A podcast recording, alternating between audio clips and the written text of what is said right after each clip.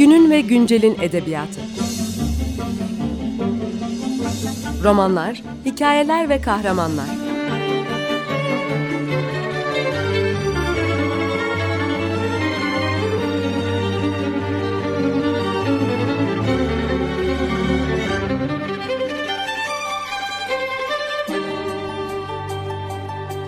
Hazırlayan ve sunan Seval Şahin.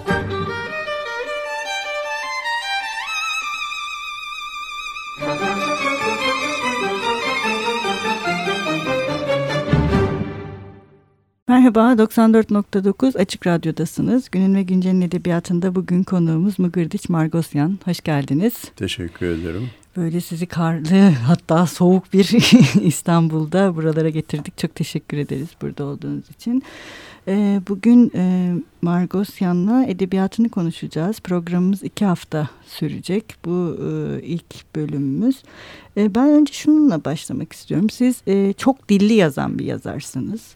Çok dilli yazmak e, nasıl? Yani çok dilli bir edebi metin üretmek bir yazar açısından e, neye tekabül ediyor? Çok dilli yazı, çok dilli yazabilen bir yazar olmak nasıl bir şey? Buradan başlayalım mı? Tabii. Şimdi çok dilli aslında benimki biraz da mecburiyetten. Hı hı. Çünkü ben 15 yaşına kadar kendi ana dilim Ermeniceyi zaten bilmiyordum. Evet. Dolayısıyla Ermeniceyi sonradan öğrendim. İstanbul'a geldikten sonra hocalarım o zaman işte Getinogan Lisesi'nden bana e, Anadolu'yu anlatmamı önerdiler. Ben de işte becerebildiğim yeni öğrendiğim Ermenice ile falan ufak ufak Ermenice hikayeler yazdım. Yani beni bir yerde o, o şekilde yönlendirdiler. Benim ana dilim olmadığı halde iyi kötü bir şeyler becerebildim. E, Türkçe ister istemez zaten bizim en çok kullandığımız bir dildi. Ee, ama bizim tabii Diyarbakır yöresinin lehçesiyle konuşuyorduk.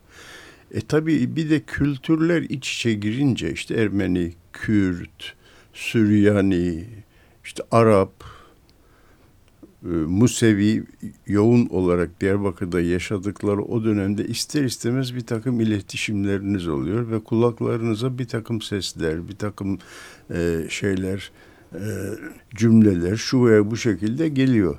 Yani bu kendiliğinden oluşuyor. Hani ben oturayım sadece Ermenice konuşayım ya sadece Türkçe yazayım değil. Bir ananızın bir e, yemek pişirirken söylediği bir laf veya bir tat, bir koku birdenbire size bir çağrışım yapıyor ve o o çağrışım ilk önce ananızdan ilk duyduğu ana diliniz Ermenice olunca gayri ihtiyari öyle kalıyor aklınızda ve siz onu kullanmaya kalkarsa ana dilinizin Ermeniceyi bilmediğiniz halde tek tükte olsa bir takım şeyler size e, bir nevi ipucu gibi geldiğinde oraya yazdığınız zaman daha tabii oluyor. Evet. Ve dolayısıyla işte bu bu şekilde devam ettim. Çok dillilik güzel bir şey. Çok. Ee, yalnız bunun tabii kendine göre bir takım sıkıntıları da var. Eğer siz her iki dili de ya yazmayı düşündüğünüz dili de iyi bilmezseniz bocalırsınız. Hmm. Yani özellikle bu tercümelerde falan bayağı zorlanırsınız. Bir de tabii deyimler. Evet. Deyimler de çok önemli. Çünkü Ermenice'deki bir deyimin motamot Türkçesini veya Kürtçesini bulmanız mümkün olmayabiliyor. Veya aynen Kürtçedeki bir deyimi e, Ermenice'de bulmanız mümkün değil. Dolayısıyla bu iki dili veya bu dilleri iyi becerebiliyorsanız e, yaşamınızda o hani böyle teğet geçmemiş, yerleşmişse o zaman yazmak mesele olmuyor. Bir de sizin edebiyatınızın Türkçe'de oldukça ayırt edici bir yönü var. Bu çok söylediğiniz çağrışımlar, dilin ses olarak edebiyata girmesi ve e, sesin yüklendiği bir edebiyatı aslında sizin edebiyatınız e, baştan beri götürüyor. Yani bu sesin yüklendiği edebiyatı üretmek hani bu, bu nevi Homeros gibi aslında. Evet. E, bunu bu şekilde aktarmak e, da bu çok dilliliğin getirdiği bir şey mi? E tabii şöyle oluyor. Mesela ben hikayelerimden birinde mesela Diyarbakır'da işte güya anam bana diyor ki git işte bizim kasaptan et al gel diyor. Tamam basit bir şey yani. Orada gidip kasaptan bir kilo yarım kilo her neyse bir şey al gelmeniz mümkün belki. 10-15 yaşındaki bir çocuksunuz. Ama oradan evden çıkıp kasaba gidinceye kadar işte atıyorum bir kilometrelik bir yol tepeceksiniz Gavur Mahallesi'nden. Dört ayaklı minarenin altından geçeceksiniz. Şunu. Ama kulağınıza devamlı bir takım sesler geliyor. Demirciler çarşısında geçince bir başka bir melodi, bir başka ses. İşte kasapların oraya giderken daha oraya yetişmeden manavda sebzecilerin işte şu veya bu şekildeki e, kendilerine göre işte konuşmaları falan. Bunlar hani kulağınıza sanki böyle huni takılmış, takılmış gibi ister istemez kulağınıza doluyor ve siz farkında olmadan besleniyorsunuz. Dolayısıyla bunu yazmaya kalktığınız zaman böyle bir sizin background'ınızda böyle bir zenginlik de var. Hı hı, doğru bu çok büyük bir zenginlik. E, evet ya ondan faydalanıyorsunuz. Yani sadece faydalanmak için o zaten sizi zorluyor. Orada siz yapmacık bir şey yapmıyorsunuz. Ananızın, babanızın veya yakın komşularınızdan birinin söylediği bir deyim, bir tat, bir koku, bir ses size bol bol çağrışımlara neden oluyor ve hem işiniz kolaylaşıyor hem de orijinal kalıyorsunuz.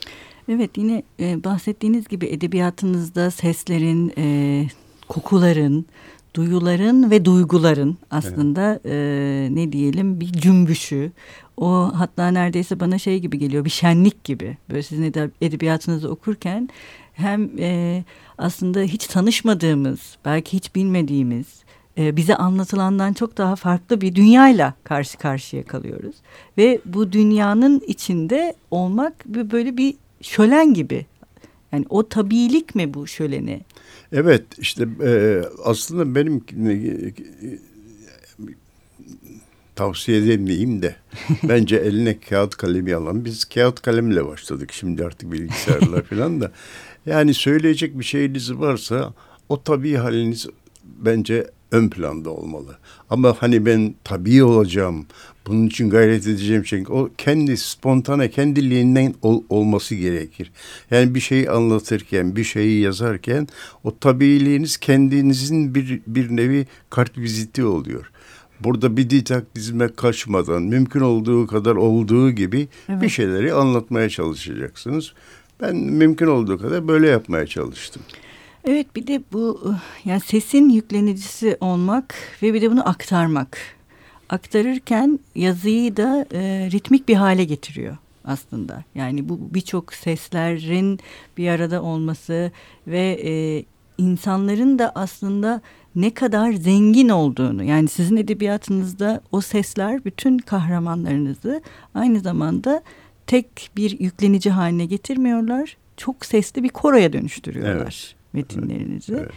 E, peki bu metinlerdeki ritmik halde mi e, kendiliğinden bu seslerle birlikte oluşan bir şey? Bence kendiliğinden oluşuyor. O da şöyle mesela belki bilirsin ben tesbih tanelerinde Diyarbakır yöresinin dilini çok kullandım. Evet.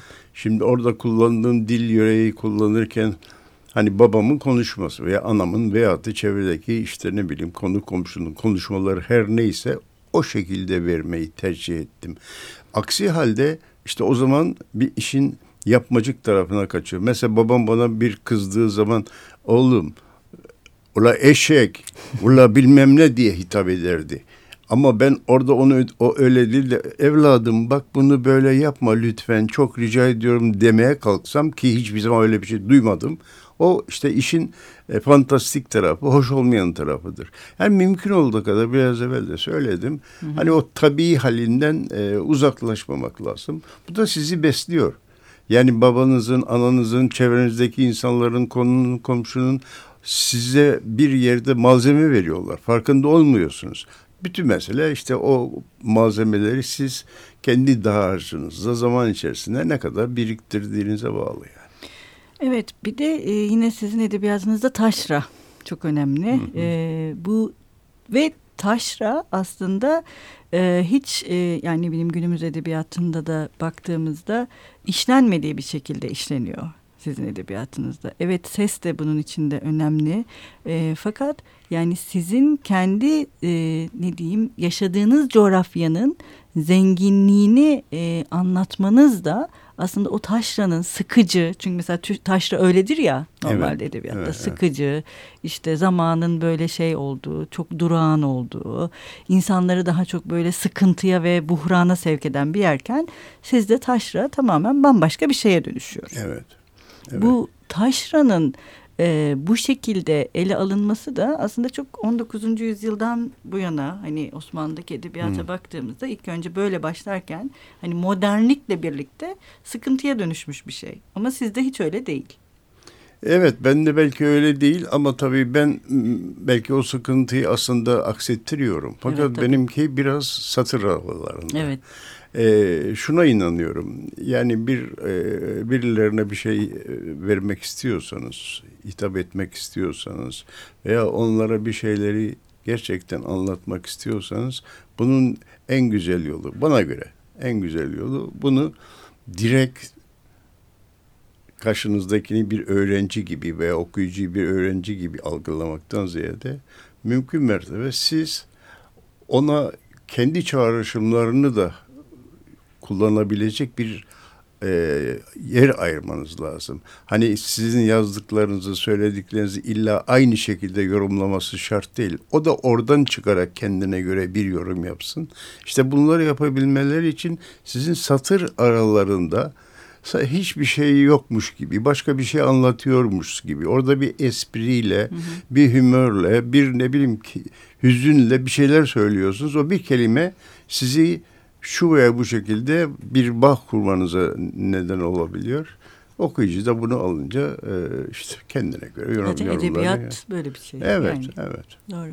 Evet şimdi bir ara verelim. Ee, Aram Dikran'dan bir şey çalalım diye. Tamam teşekkür önce. ederim. Evet dinleyelim.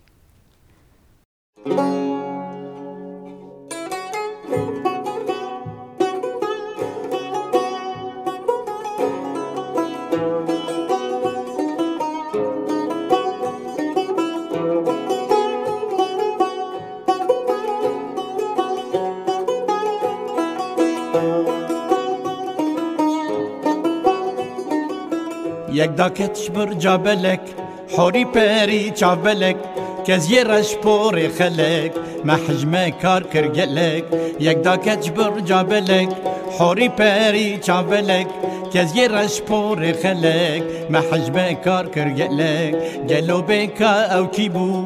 نبه یک بوتی بو یان یک آمدی بو یان جی او سر حدی بو. ناول باتمانی بو گلو بکا او کی بو؟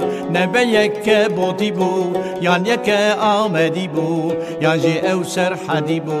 ناول باتمانی بو.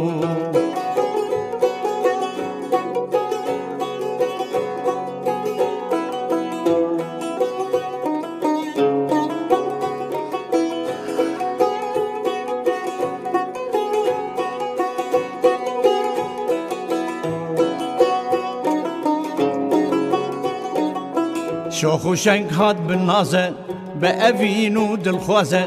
بویه تیره که بازه نزانم چه دخوازه. شوخ و شنگ هات بنازه به اوین و دلخوازه. بویه تیره که بازه نزانم چه دخوازه. گلو بکا او کی بو نبه یک بوتی بو یان یک آمدی بو یان جی او سر حدی بو ناوالا باتمانی بو گلو بکا او کی بو. نبه یک بوتی بو یان یک آمدی بو یان جی او سر حدی بو ناوالا باتمانی بو.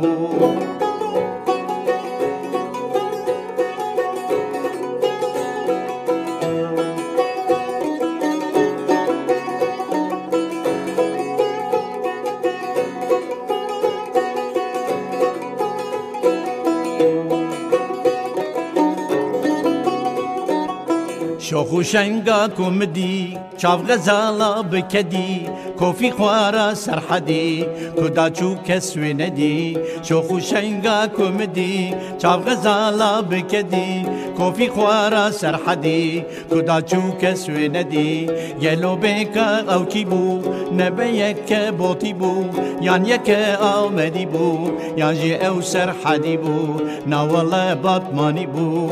یلو بکا او کی بو نبيك بوطيبو يان يك آمدي بو يان جي أو سرحدي بو نا والله باطماني بو. Merhaba, tekrar 94.9 Açık Radyo'dasınız. Günün ve Güncel'in edebiyatında bugün konuğumuz Mıgırdiç Margosyan. Programın ilk bölümünde çok dilli yazmak, çok kültürlü olmak ve sesler ve bu seslerin taşıyıcılığı üzerinde e, durduk e, Margosyan'la. Şimdi yine buradan devam edeceğiz. En son biraz hüzünden bahsetmiştik. Yine sizin edebiyatınızda... E, hüznün e, kullanımının çok farklı bir yönünü görüyoruz aslında. Çünkü hüzün dediğimiz şey işte ne diyeyim keder, acı e, bunları da e, kapsayabilir bir şeyken sizdeki o neşeli hal e, hüznün aslında daha etkileyici bir boyuta e, girmesini sağlıyor ve mesela asla hani ironik bir şey değil. Doğrudan neşeyle hüznün e, birleştiği ve o yüzden etkileyici. Yani okurun üzerinde de e, işte tam da birinci bölümde konuştuğumuz gibi e, doğrudan bir şey söylemek yerine satır aralarında o neşenin içindeki e, hüznü açığa çıkaran bir edebiyat ve bir dil var. Bu dil nasıl oluştu edebiyatınızda? Yani baştan beri hep böyle miydi yoksa zaman içerisinde siz bunu e, daha ne diyeyim e, tecrübe ve o yazıyla kurduğunuz ilişkiyle daha farklı bir boyuta taşımayı düşündünüz evet. mü? Bence ben bunun zaman içerisinde olduğu kanaatinde değilim. Hı. Yani kendiliğinden ilk günde neyse öyle devam ettir. Tabii ki işin içerisinde biraz edebi bir takım deyimler, şunlar bunlar koyuyorsunuz gayri ihtiyari. Ama genelde ben biraz öyle de söylediğim gibi bir hüznü bile anlatabilmek için belki onun e, ben şöyle diyeyim bizim yaşımız icabı. Onun mütemmim cüzü, tamamlayıcısı evet. aslında hüz, hüzünün kendisi değil.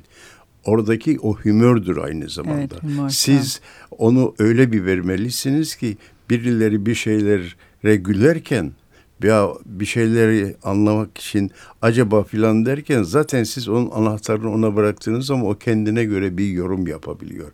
Yani siz hüzünden kalkıp anlatırsınız da şöyleydi, böyleydi, şuydu, buydu anlatırsınız. Ama direkt böyle direkt kuru tabiri caizse bu hoş değil. Yani içinde yaşadığım çevre de zaten buna e, engeldi. Hani etrafımdaki konuşan insanların yaşantılarına bakıyorum. 1915'lerde bir sürü şeyler geçirmişler, travmalar geçirmişler, gelmişler, olmuş bir şeyler. Ondan sonra yerleşmişler. Kendilerine göre bir düzen kurmuşlar. Ama o şeyle kendi aralarında konuşurken bile bazen o trajediyi kendi aralarında da böyle bir hı hı. şeyle, hümörle sanki hiç böyle bir şey olmamış gibi, sanki bu kadar hüzün yaşamamışlar gibi onu Diyarbakırlıların bir tabiri vardı. Hanek derler, şaka gibi hmm. anlatırlar. Hanek. Ve oradan e, yola çıkarak işte ben de bir şeyler yazmaya çalıştım yani. Evet bir de tabii bir felaketi anlatmak. Yani bu felaketin e, başkaları arasında yani yaşayan ve kalanlar arasında e, ki iz düşümlerini anlatmak da e, yani bunun üzerine düşüncenin aktarılmasını bir taraftan başka bir dil bulmayı da yani başka bir dille aktarmayı da e, mecbur bırakan bir şey. Öyle değil mi? Tam Tabii da. kesinlikle size katılıyorum. Şimdi siz mesela e, yani hepimizin artık bildiği e, politik şeyin e, jargonun kendine göre zamanlaması var. Bugün size şu veya bu şekilde doğru diye e, şey yapılan e, ne söyleyeyim empoze, empoze edilen herhangi bir şey üç gün sonra 30 gün sonra veyahut da üç sene 30 sene sonra onun hiç de öyle olmadığını 180 hı hı. derece fark ettiği klasik şey diye her her şey kendi zıttını beraberinde getiriyor. Getiriyor, evet. getiriyor. Şimdi dolayısıyla o insanlar o yaşadıklarını yazmış, e, yaşamışlar. Kendi aralarında konuşurken paylaşmışlar hı hı. ve bunu paylaşırken bir tiyatro sahnesindeymiş gibi konuşmuyorlar. Kendi aralarında gayet normal.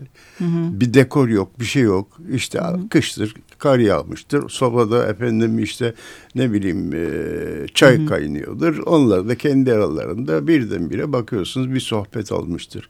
O zaman kulaklarınız çocukken doluyor zaten. Hmm. Onlar size gel evladım bak biz böyle böyle böyle böyle bir travma yaşadık demiyorlar. Demelerine gerek yok. Onlar kendi aralarında konuşurken ama siz bir hüzünden bahsedildiğini farkındasınız. O da nasıl? Hiç farkında olmadıklarını zannettikleri birdenbire bakıyorsunuz gözleri buğulanıyor bu insanların. Onu verebilmek. Yoksa e, yani illa bir terazi bulup da o haklı bu haksız gibi bir kavram yaratmanın bir anlamı yok yani. Evet.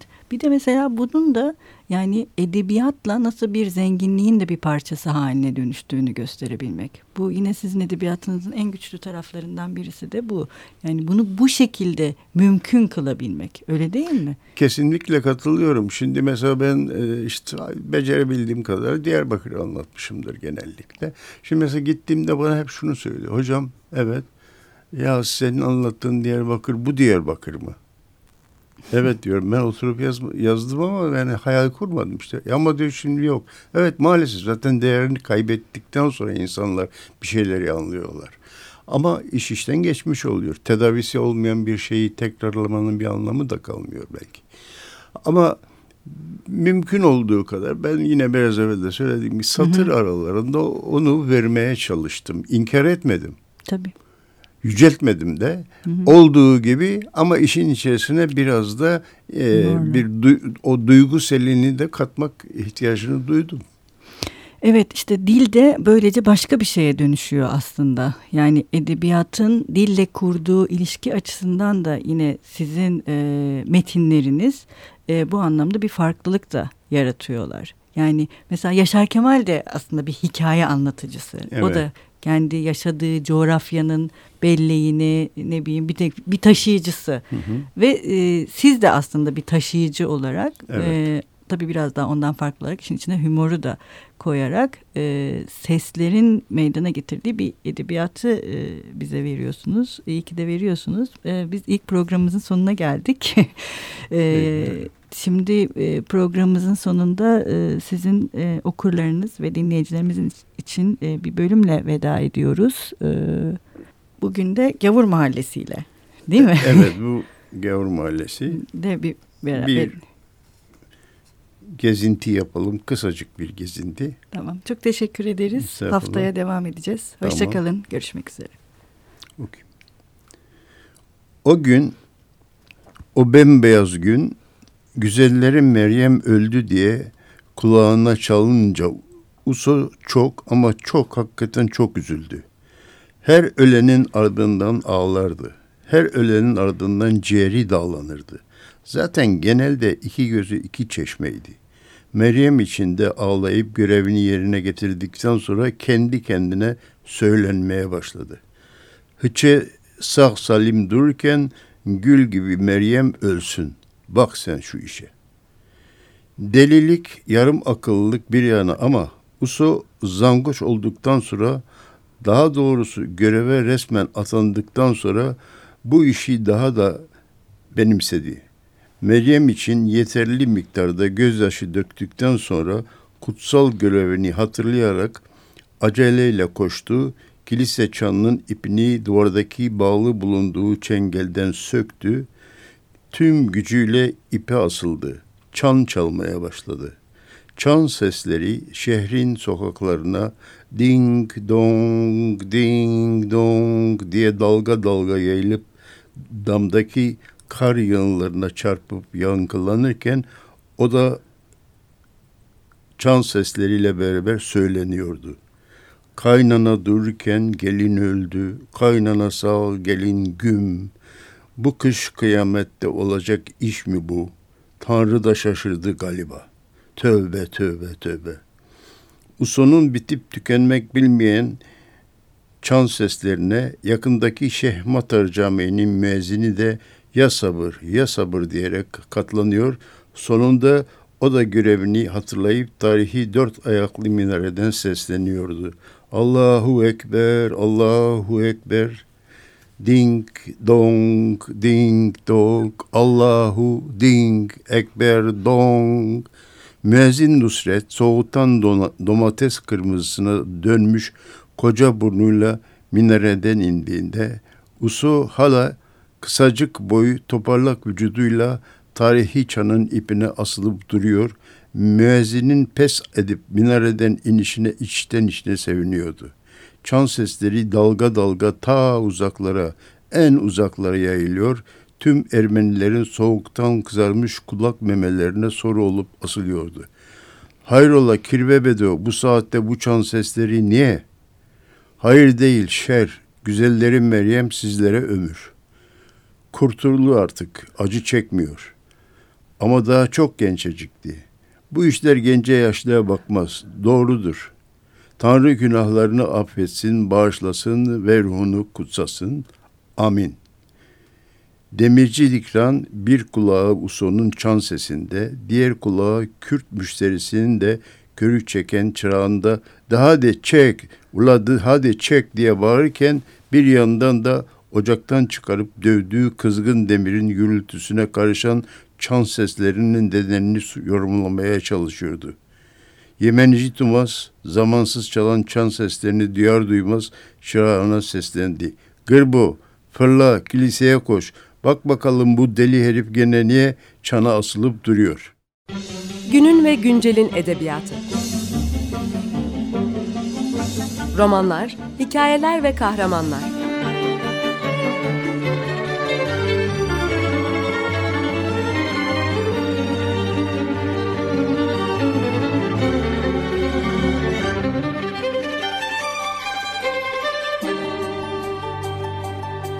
Hazırlayan ve sunan Seval Şahin.